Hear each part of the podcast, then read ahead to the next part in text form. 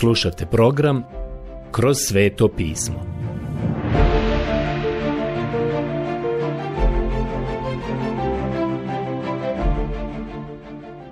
Knjiga Evanđelje po Ivanu.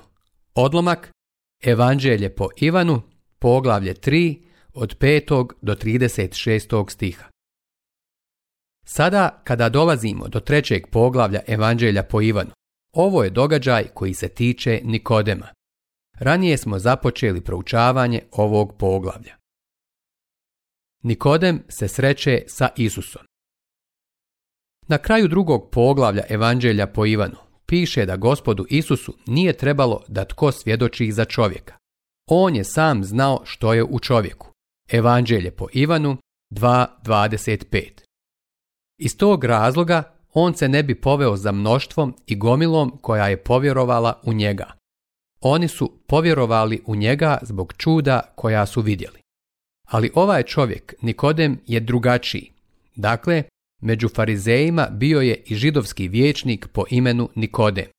Bio je jedan od židovskih prvaka. Evanđelje po Ivanu 3.1.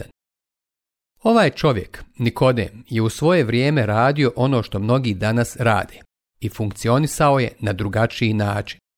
Bio je jedan od farizeja kada bi bio sa njima. Onda, kada je izašao na ulicu, on je bio jedan od izraelskih prvaka. Tako su ga ljudi gledali. Bio je oprezan. Bio je vrlo oprezan. Ali kada bi on došao kući, bio je običan mali, stari Niki i njegova žena ga je poznavala kao takvoga. I tako sada Nikodem dolazi našem gospodu, najprije kao jedan od farizeja, a on mu kaže, rabi, mi znamo. Ko smo to mi? Mi farizeji znamo da si ti učitelj koji je došao od Boga, jer nitko ne može činiti čudesa što ih ti činiš, osim ako nije Bog s njim. Evanđelje po Ivanu 3.2 To je bio iskren kompliment. Naš gospod nikada nije rekao da je Nikodem licemjer, a da jeste, naš bi gospod to rekao jer on zna šta je u svakom čovjeku. Ali naš je gospod vrlo brzo promijenio temu u razgovoru sa Nikodemom, jer je ovaj očigledno došao pokušati pridobiti gospoda Isusa da zajedno sa farizejima pokušaju uzbaciti rimski jaram. Zbog popularnosti našeg gospoda, farizejima je isprva gospod Isus bio interesantan i prihvatljiv. Isus nije bio samo čudotvorac. Farizeji nikada nisu poricali njegova čuda, već je bio neko kome su se ljudi obraćali. Naš gospod je međutim samo prekinuo Nikodema rekavši sljedeće riječi. Zaista, zaista kažem ti, ako se tko ne rodi ponovno, ne može vidjeti Božjega kraljevstva. Evanđelje po Ivanu 3.3 I ako je ovaj čovjek došao govoriti o kraljevstvu i njegovom uspostavljanju, što mislim da je bio slučaj, to mu nije pošlo za ruko. I sada Nikodem skida masku čovjeka farizeja. Ali vidite, on je jedan od učitelja u Izraelu. Drugim riječima, sada stavlja svoju drugu masku. Kako se može čovjek roditi ponovno, kada je već star? Može li po drugi put ući u utrobu svoje majke i opet se roditi? Evanđelje po Ivanu 3.4 Drugim riječima, on misli samo na fizičko rođenje. Isus odgovori. Zaista, zaista kažem ti, ako se tko ne preporodi vodom i duhom, ne može ući u Božije kraljevstvo. Evanđelje po Ivanu 3.5 Zadnji put smo stali baš na ovoj temi. Šta znači roditi se od vode i duha? Postoje ljudi koji vjeruju da je rođenje od vode referenca na krštenje, ali mogu vam reći da bi ovo bio čudan izraz ukoliko bi se odnosio na to. A ima i onih i mogu reći da je bilo nekoliko vrlo dobrih krčanskih doktora koji su rekli da je fizičko rođenje zapravo rođenje u vodi, odnosno dijete u utrobi je u plodovoj vodi. Ja ne mislim da Isus ovdje govori o prirodnom i duhovnom rođenju. On ne govori o tome. On govori o tome kako se čovjek može roditi od ozgo ili nanovo, roditi se od vode i duha. Već smo razjasnili barem se nadam da jesmo, još u drugom poglavlju da je voda zapravo tamo predstavljala riječ Božju. I naći ćemo kasnije u ovom istom evanđelju po Ivanu kako se Isus moli. Posveti ih u istini. Riječ je tvoja istina. Evanđelje po Ivanu 17.17. 17. Dakle, to je pročišćavajuća, posvećujuća moć riječi. A gospod Isus je rekao, vi ste već čisti zbog riječi koju sam vam govorio. Evanđelje po Ivanu 15.3 Riječ Božja se uvijek iznova i iznova uspoređuje sa vodom. Vjerujemo da osoba koja se želi nanovo roditi mora biti nanovo rođena korištenjem pisma. To znači da Duh Sveti uzima pismo i koristi ga. Vjerujemo da se niko ne bi mogao nanovo roditi bez korištenja riječi Božje. To je razlog zašto je ona i danas toliko važna biti rođen od vode i duha, a naravno duh koristi riječ Božju. Imate tri izvanredna obraćenja koja se nalaze u knjizi dijela apostolskih. Mislim da su zapisana i nama predočena prvenstveno kao ilustracije. Imate obraćenje etiopskog eunuha, Kornelijevo obraćenje i Pavlovo obraćenje. Ova tri čovjeka pripadaju trima grupama ljudi koje su nastale od Noje, odnosno od njegovih sinova, od njegovog sina Šema, od sina Hama i od sina Jafeta. U svakom slučaju od ove trojice. Imate u svakom slučaju korištenje riječi Božje i vidimo da riječ Božju koristi duh Božji. Čini se da je to Božja metoda i danas, da duh Božji koristi riječ Božju kroz čovjeka Božijeg. Uvjeren sam da je naš gospod, kada je rekao da moramo biti rođeni od vode i duha, mislio upravo na to. Božji duh je taj koji koristi Božju riječ. Isus je rekao da niko drugačije ne može ući u kraljevstvo Božije. Isus nakon toga kaže sljedeće. Što je rođeno od tijela, tijelo je. Evanđelje po Ivanu 3, prvi dio šestog stiha. Ovu staru prirodu koju ti i ja imamo, Bog ne namjerava promijeniti. Ona se zapravo i ne može promijeniti. To je jednostavno nemoguće. Riječ Božja ima toliko toga za reći o našoj staroj prirodi koju imamo ti i ja. Kaže da je tijelo u apsolutnom neprijateljstvu protiv Boga. Apostol Pavle kaže u poslanici Rimljanima 8.7 sljedeće. Jer je umovanje tjelesno neprijateljstvo prema Bogu zato što se ne pokorava Božijem zakonu, a i ne može. Za ovu staru prirodu koju imamo vi i ja, Bog nema nikakav program da je pokuša vratiti ili poboljšati ili razviti ili spasiti. Ta stara priroda će s nama otići u grob. A ukoliko gospod dođe prije nego što mi odemo u grob, tada ćemo se preobraziti. A to znači osloboditi se te stare prirode. Nije moguće učiniti sebe ili nekoga poslušnim Bogu. Nema šanse ni načina na čitavom svijetu. Što je rođeno od tijela, tijelo je. To je aksiom i Bog uopšte ne namjerava spasiti tijelo. A što je rođeno od duha, duh je. Evanđelje po Ivanu 3, drugi dio šestog stika. I to je razlog zašto je duhovno rođenje potrebno. Prijatelji, vi i ja moramo dobiti novu prirodu jer je ova stara priroda nestala. To je priroda koja se apsolutno uopšte više ne može povratiti. Sada gospod Isus kaže ovom čovjeku. Ne čudi se što ti rekoh, morate se preporoditi. Evanđelje po Ivanu 3.7 Vidite, ovaj čovjek Nikodem je stavio masku, ali sada je gubi. Maska učitelja u Izraelu pada, a gospod Isus mu kaže Ne čudi se što ti rekoh, morate se preporoditi. Vjetar puše gdje hoće, čuješ njegov šum, ali ne znaš odakle dolazi ni kamo ide. Tako je kod svakoga koji je rođen od duha. Evanđelje po Ivanu 3, 7 do 8. Ne možete reći odakle vjetar dolazi. Ne možete reći ni kuda ide. Zračne struje i vjetrovi su nešto o čemu čovjek još uvijek ne zna previše. Vjetar puše gdje hoće. Ne možete to promijeniti. Ljudi danas pokušavaju proučiti uragane u Meksičkom zalivu i na području Kariba. Do sada nisu puno toga postigli. Ne mogu ukrotiti vjetar. Vjetar puše gdje hoće, čuješ njegov šum, ali ne znaš odakle dolazi ni kamo ide. Tako je kod svakoga koji je rođen od duha. Iako ne možete kontrolisati vjetar, sigurno možete reći kada vjetar puše. Ako bismo ti i ja stajali na ulici i ti mi kažeš vjetar puše, ja bih te pitao kako znaš. Ti bi mi onda rekao pogledaj ono drvo gore, Pogledaj kako se lišće pomjera i primijeti kako se drvo savija. Možeš prepoznati i reći kada vjetar puše. Prijatelj, vi koji ste rođeni od duha, ne znam kako da vam objasnim duhovno rođenje. Znam da danas postoji mnogo knjiga na tu temu koje to objašnjavaju.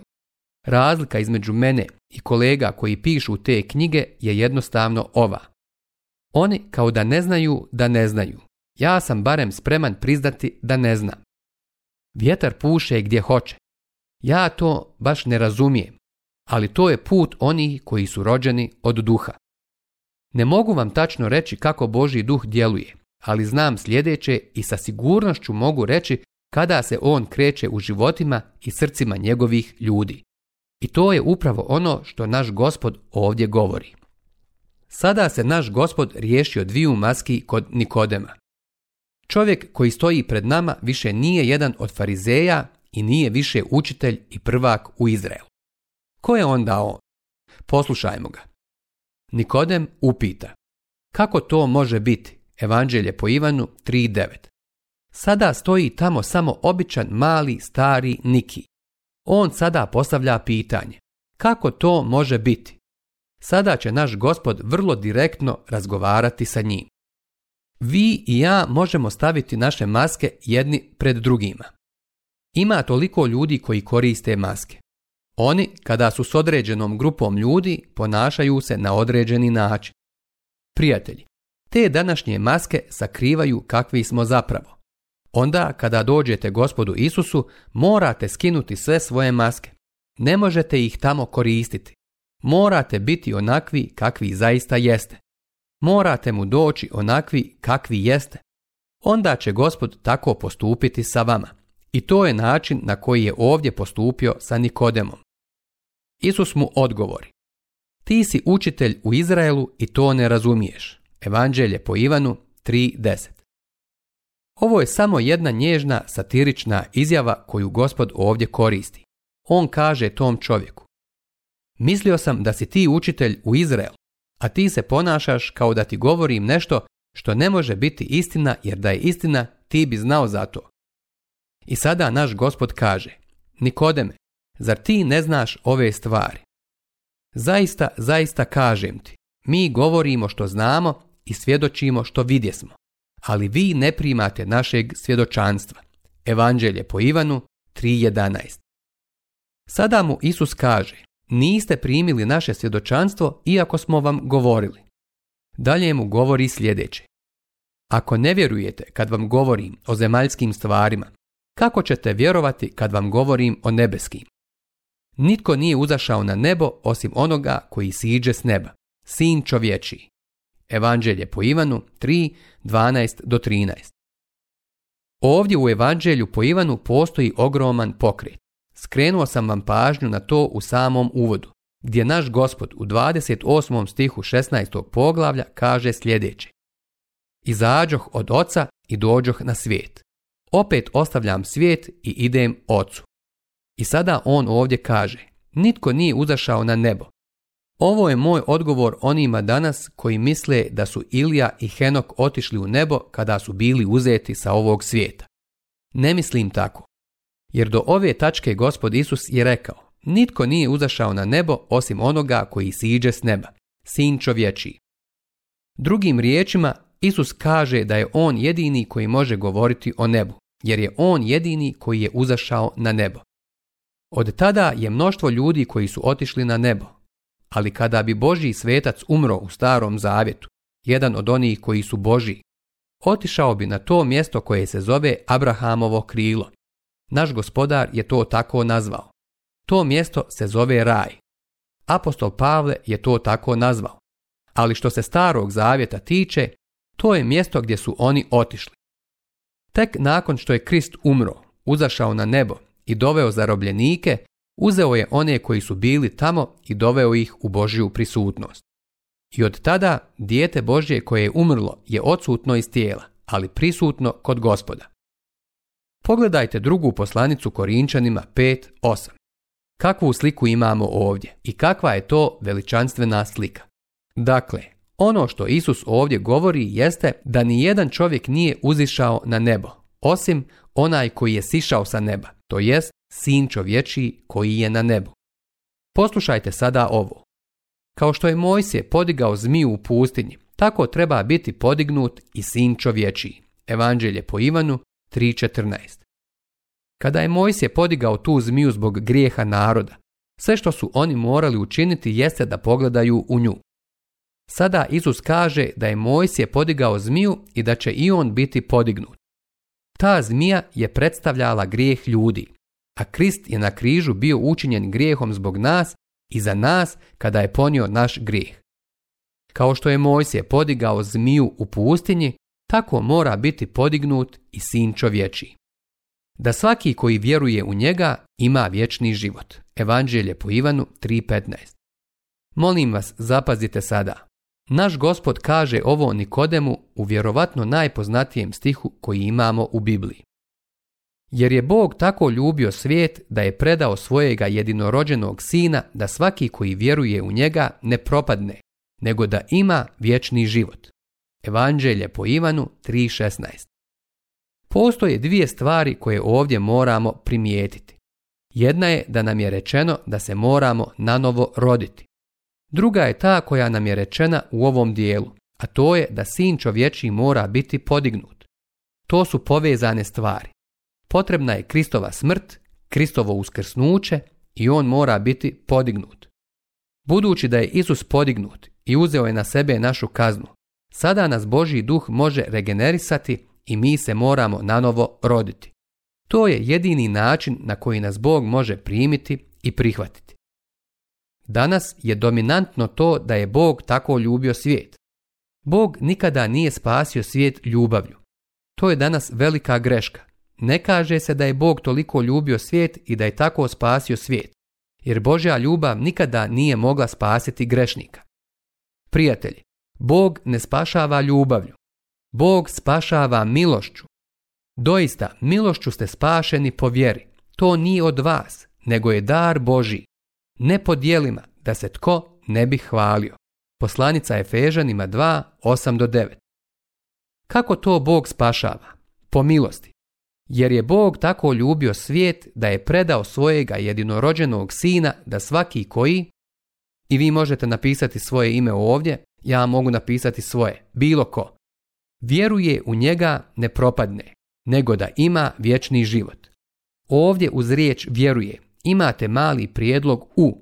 To znači vjerovati u Krista. Vjerovati njemu kao onome koji je ponio kaznu za naše grijehe i umro umjesto nas. Obratite pažnju kako on nastavlja dalje.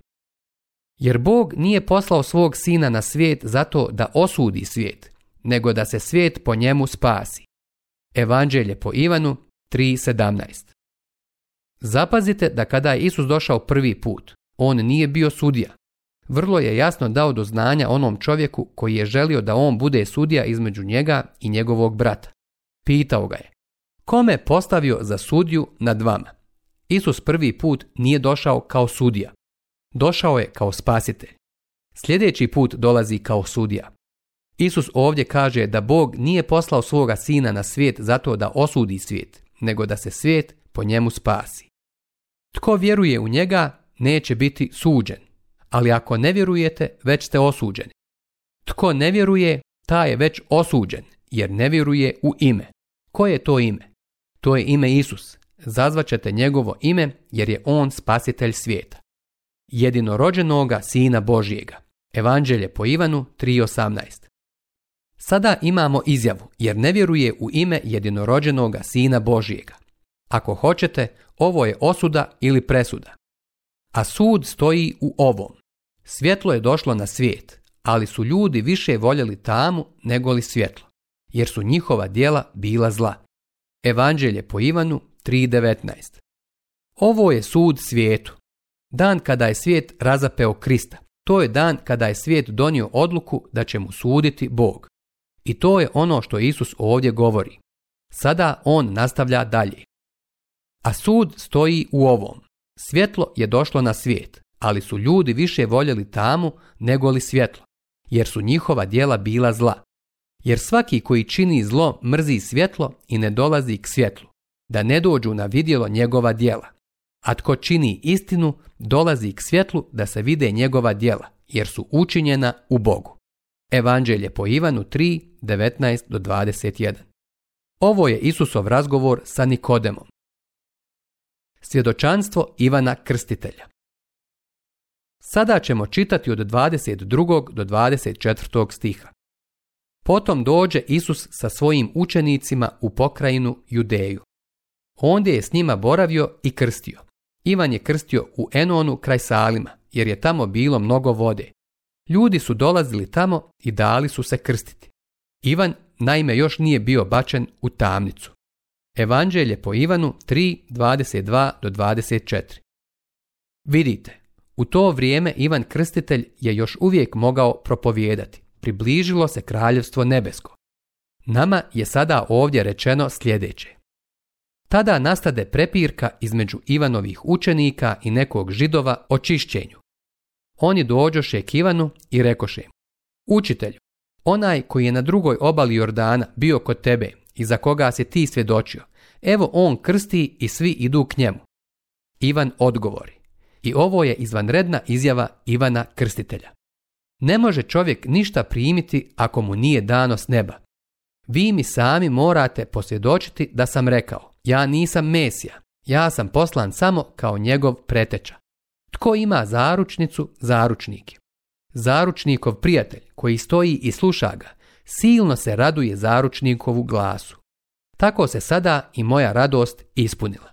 Evanđelje po Ivanu 3, 25 do 29.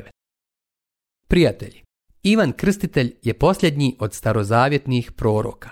Zapravo on nije dio crkve. To bi moglo iznenaditi neke od vas, ali on ovdje jasno kaže tko ima zaručnicu? Ko je zaručnica? Crkva.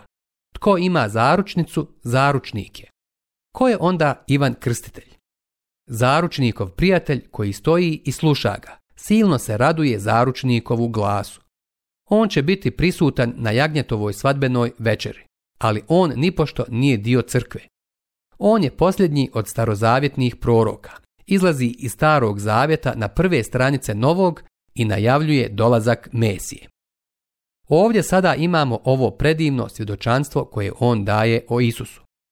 Tko dolazi od ozgo, stoji nad svima. Evanđelje po Ivanu 3.31, prvi dio stiha. Ivan Krstitelj nam veoma jasno daje do znanja da je gospod Isus Krist superioran i on daje sljedeće svjedočanstvo o gospodu Isusu. Jer poslani od Boga govori Božje riječi, jer Bog ne daje duha na mjeru.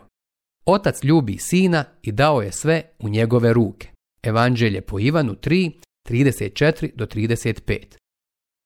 Ovo što slijedi je jedan sjajan stih. Tko vjeruje u sina, ima život vječni. Vi ga imate upravo sada. A tko ne vjeruje sinu, neće vidjeti života, nego gnjev Božji ostaje na njemu. Evanđelje po Ivanu 3.36 Prijatelji, ovo nije moglo biti jasnije. To je bilo svjedočanstvo Ivana Krstitelja o gospodu Isusu Kristu. Kako je samo svjedočanstvo on dao o Isusu. Danas možemo samo ići ovoliko. Nastavit ćemo sljedeći put i preći na četvrto poglavlje.